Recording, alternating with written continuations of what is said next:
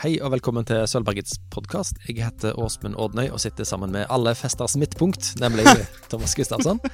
Vi snakker om litterære klassikere i podkasten vår. og Alle episodene finner du der du fant denne episoden, og de ligger òg ute på sølvberget.no. Og Vi vil selvfølgelig veldig gjerne ha tilbakemelding fra deg som hører på, hvis du er uenig eller vil eh, rose oss eller uh, har andre ting du vil fortelle oss. I denne episoden skal det handle om boka En varig fest av Ernest Hemingway. Dette er en sjølbiografi som handler om Hemingway sin tid i Paris eh, på 1920-tallet, hvor han hang sammen med masse andre kjente navn. Den kom ut i 1964, etter Hemingways død. Den er på bare 192 sider, så den er ganske raskt lest. Jeg må jo si først at den norske tittelen er litt upresis, hvis en kan være litt sånn språknerd. For mm. du vet, vet, du hva Movable Feast egentlig betyr? Ja, og det er en av de tingene jeg hadde tenkt å snakke om litt. Ja, Uh, A Movable Feast er som, sånn, som påske, til eksempel. En høytid som ikke kommer på samme dag hver, hvert år. Sånn som julafton og sånn. Det er en sånn fast. Mens påske er sånn som forflytter seg. Yes. Jeg kan jo, jeg kan jo ta det sitatet fra Hemingway. Uh, det var en venn av han som overtalte han til at boken skulle hete A Movable Feast, også fordi han hadde sagt det her. If you are lucky enough to have lived in Paris as a young man, then wherever you go for the rest of your life, it stays with you. For Paris is a movable feast. Så et, et veldig fint sitat. Og han har overført det fra den religiøse høytidsbetydningen til at eh, Paris er en eh, fest som blir med deg, på en måte. På, eh, på norsk heter det en, en, varig fest, er det det? En varig fest, ja. Og, det, og, jeg kan jo kanskje forstå at han har fått den norske tittelen, for en, en fleksibel høytid. det, det høres ikke så kult ut som på engelsk. Jeg tror på svensk heter den En fest for livet, tror jeg. Ja. Eh, som ikke heller funker helt eh, på samme måte, da. Men altså, sjølbiografi, eh, det er jo en litt vanskelig sjanger, vil jeg påstå.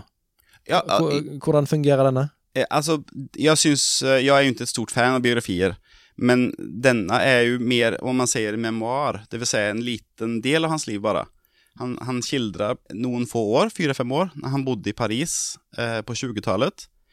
Eh, før han var en stor og kjent forfatter. Han, var, han jobbet som journalist og holdt på med sine første tekster og bøker.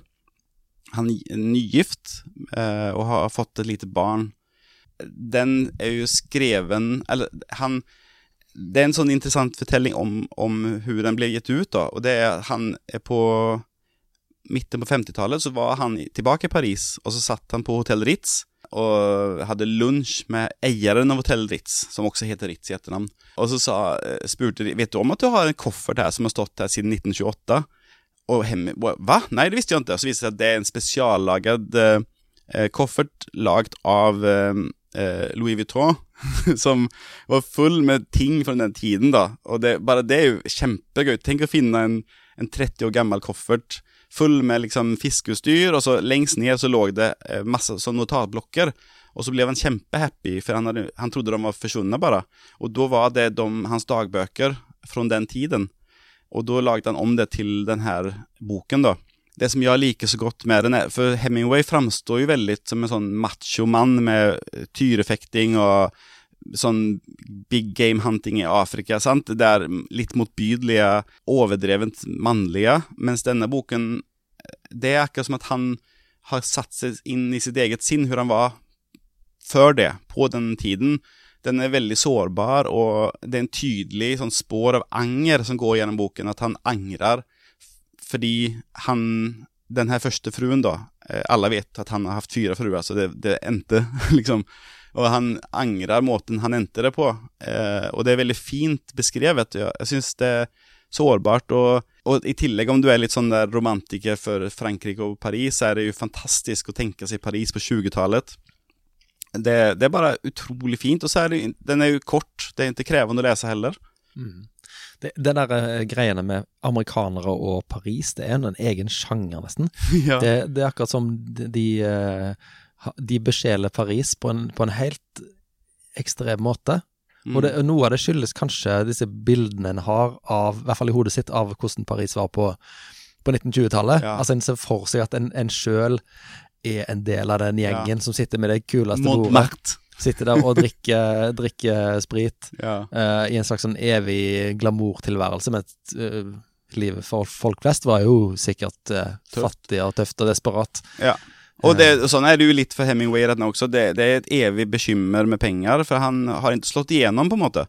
Han må tjene. Og så, men eh, han, han er venn, eh, for det er tydelig, tydelig for alle at han eh, er på vei oppover. For det, han har veldig mye kjente venner, forfattervenner, eh, sånn som eksempel F. Scott Fitzgerald, som vi snakket om på siste episode.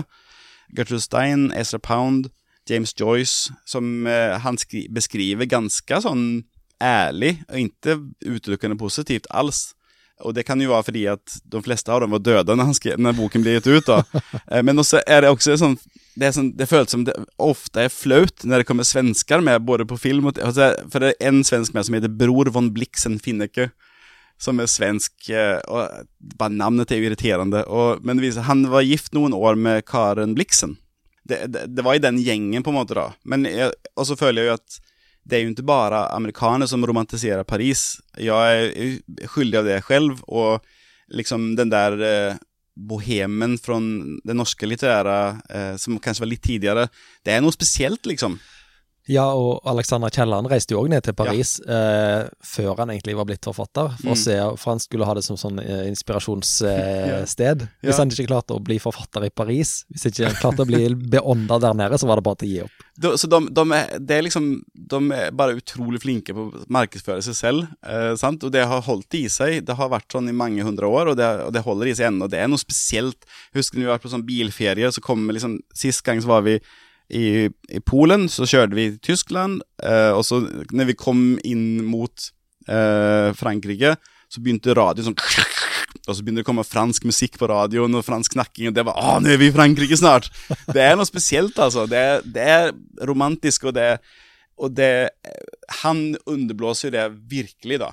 Eh, og mange av de kafeene som han beretter om, fins jo fortsatt kvar det er jo en egen sport det å gå i Hemingways fotspor ja. i Paris. Mm. Uh, hvis en leser f.eks.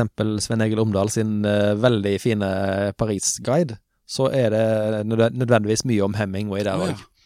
Uh, og ikke, ikke, på en sånn spesielt ærbødig måte. Okay. Sven Egil Omdals bok om Paris anbefales sterkt, enten en skal dra dit, eller om en bare er veldig glad i byen.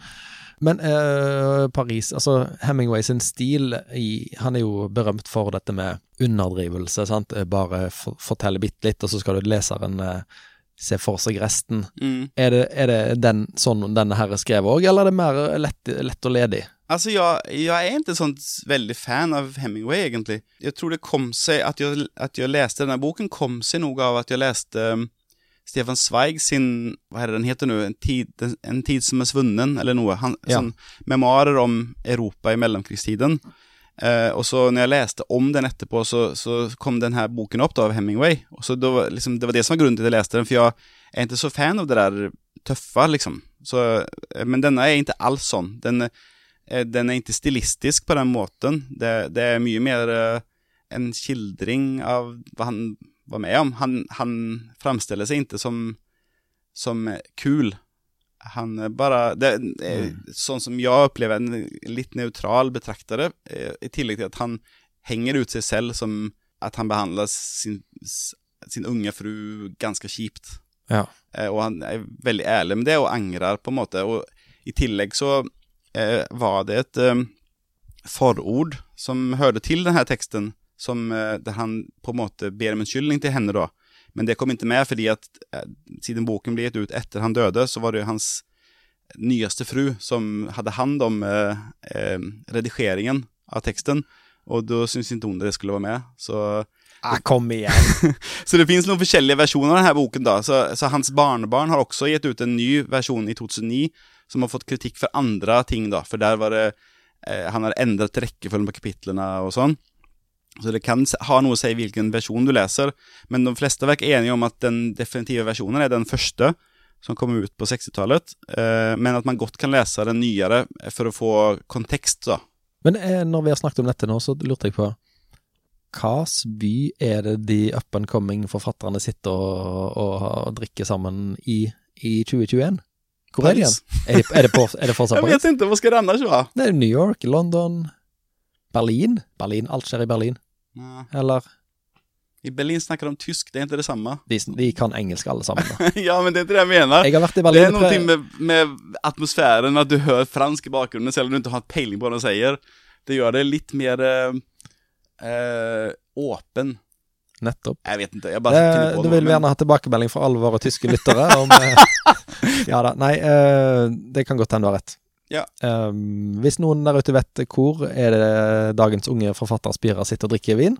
Sprit? København tror jeg egentlig. København? Flere, i, hvert fall, flere norske som, jeg, som har liksom Når de skal ut med sin første andre bok, så de leier seg en leilighet i København. Det har, har, jeg, har jeg hørt flere som har gjort. Så det å sitte og høre dansk i bakgrunnen, det gjør deg Jeg eh, hører ikke så mye i bakgrunnen i dag, det er jo bare korona overalt. Så en varig fest av uh, Ernest Hemingway, finn den tidligste utgaven hvis du kan, men en senere utgave går òg veldig fint. Og så kan du drømme deg tilbake til Paris, dit du skal dra eh, så snart koronaen tillater det.